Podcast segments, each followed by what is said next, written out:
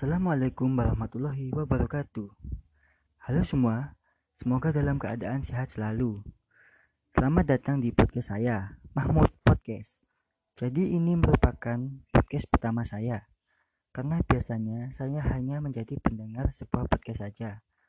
Contoh podcast yang saya dengar adalah podcastnya Om Deddy Corbusier yang ada di YouTube. Tetapi kali ini saya yang membuat podcast. Hehehe. Pertama, saya ucapkan terima kasih kepada Pak Hendri Cahyono selaku dosen pengampu mata kuliah Ekonomi Digital di kelas Ekonomi 2018 Universitas Negeri Surabaya. Karena berkat beliau yang memberikan ujian tengah semester ini, akhirnya saya dapat membuat sebuah podcast. Oke, langsung saja di podcast kali ini saya akan membahas salah satu model bisnis hyper destruktif yaitu subscription model. Netflix adalah penyedia layanan media streaming digital yang didirikan pada tahun 1997 oleh Reed Hastings dan Matt Randolph di California. Bisnis utama dari perusahaan ini adalah memberikan layanan berlangganan streaming yang ditawarkan secara online dengan beberapa program film dan televisi, termasuk beberapa program yang dibuat oleh Netflix sendiri.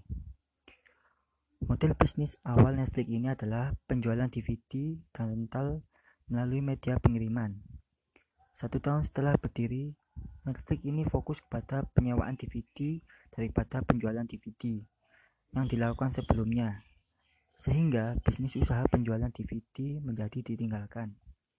Pada tahun 2007, Netflix memperluas bisnisnya dengan mengenalkan media streaming namun tetap mempertahankan layanan penyewaan DVD dan Blu-ray.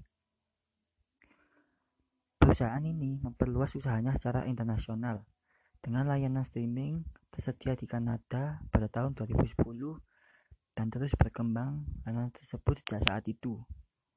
Sejak Januari 2016, layanan Netflix telah beroperasi lebih dari 190 negara. Sejak Juli 2018, Netflix memiliki lebih dari 130 juta total pelanggan secara internasional termasuk 57,38 juta di Amerika Serikat sendiri. Di Amerika di Amerika Serikat sejak tahun 2010 puluhan juta orang sudah berhenti berlangganan TV kabel.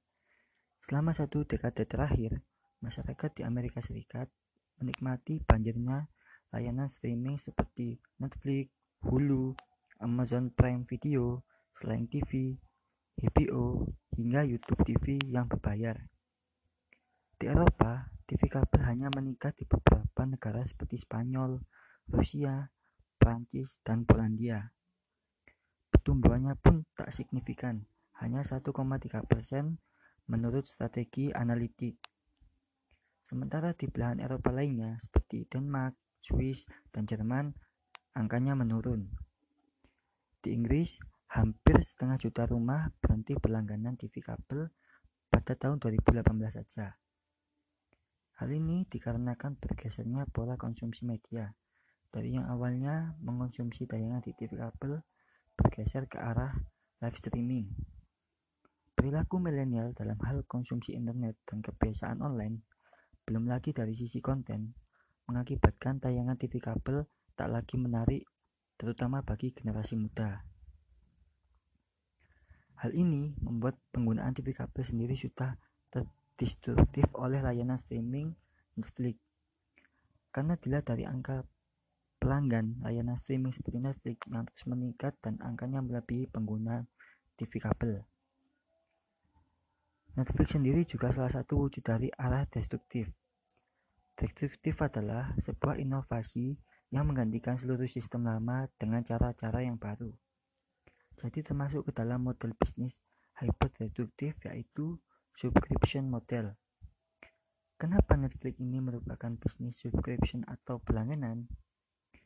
Karena Netflix akan menerapkan pembayaran kepada pelanggan atas suatu produk atau layanan yang berjangka waktu tertentu, yakni layanan bulanan. Biaya bulanan pertama akan ditagih pada tanggal setelah periode coba gratis berakhir, pada tanggal yang sama setiap bulan. Bagaimana Netflix menghasilkan uang sih? Sumber pendapatan Netflix adalah biaya langganan atau subscription fee. Artinya, pelanggan membayar untuk mengakses konten di Netflix dan untuk mendapatkan DVD yang dikirimkan kepada mereka.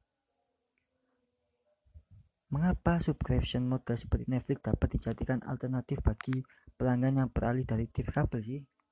Karena di subscription model seperti Netflix ini banyak sekali keuntungan yang diperoleh, di antaranya Selain tak perlu keluar rumah dan tak perlu pakai antena atau kabel khusus, menonton film di Netflix jadi pilihan banyak orang karena judul filmnya yang banyak.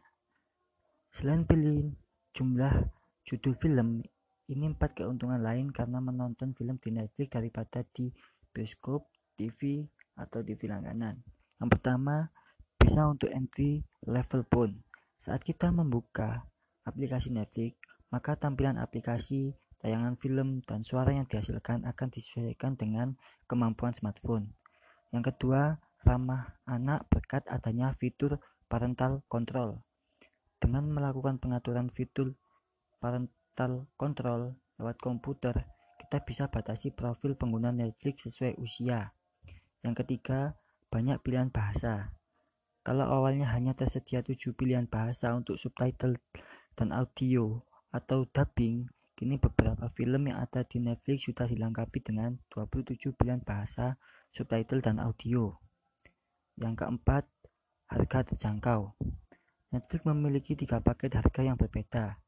Biaya untuk paket dasar yaitu Rp109.000, untuk standar Rp139.000 dan premium Rp169.000. Mau uji coba dulu? Bisa, Netflix menawarkan free trial alias gratis nonton selama 30 hari pertama. Di aplikasi Netflix ini sangat memudahkan saya untuk berlangganan film streaming yang sangat beragam judul dan genrenya. Karena aplikasinya sendiri sangat cocok untuk smartphone kategori entry level yang mungkin memorinya tidak besar, sehingga aplikasi Netflix akan menjalankan versi ringan. Semua tampilan visual pun akan lebih cepat muncul dan cocok bagi semua usia, berkat adanya parenting control. Oke, mungkin cukup sekian yang saya jelaskan dalam podcast kali ini. Sekiranya ada kekurangan dan salah kata, saya mohon maaf. Terima kasih sudah mampir di Mahmud Podcast. Wassalamualaikum warahmatullahi wabarakatuh.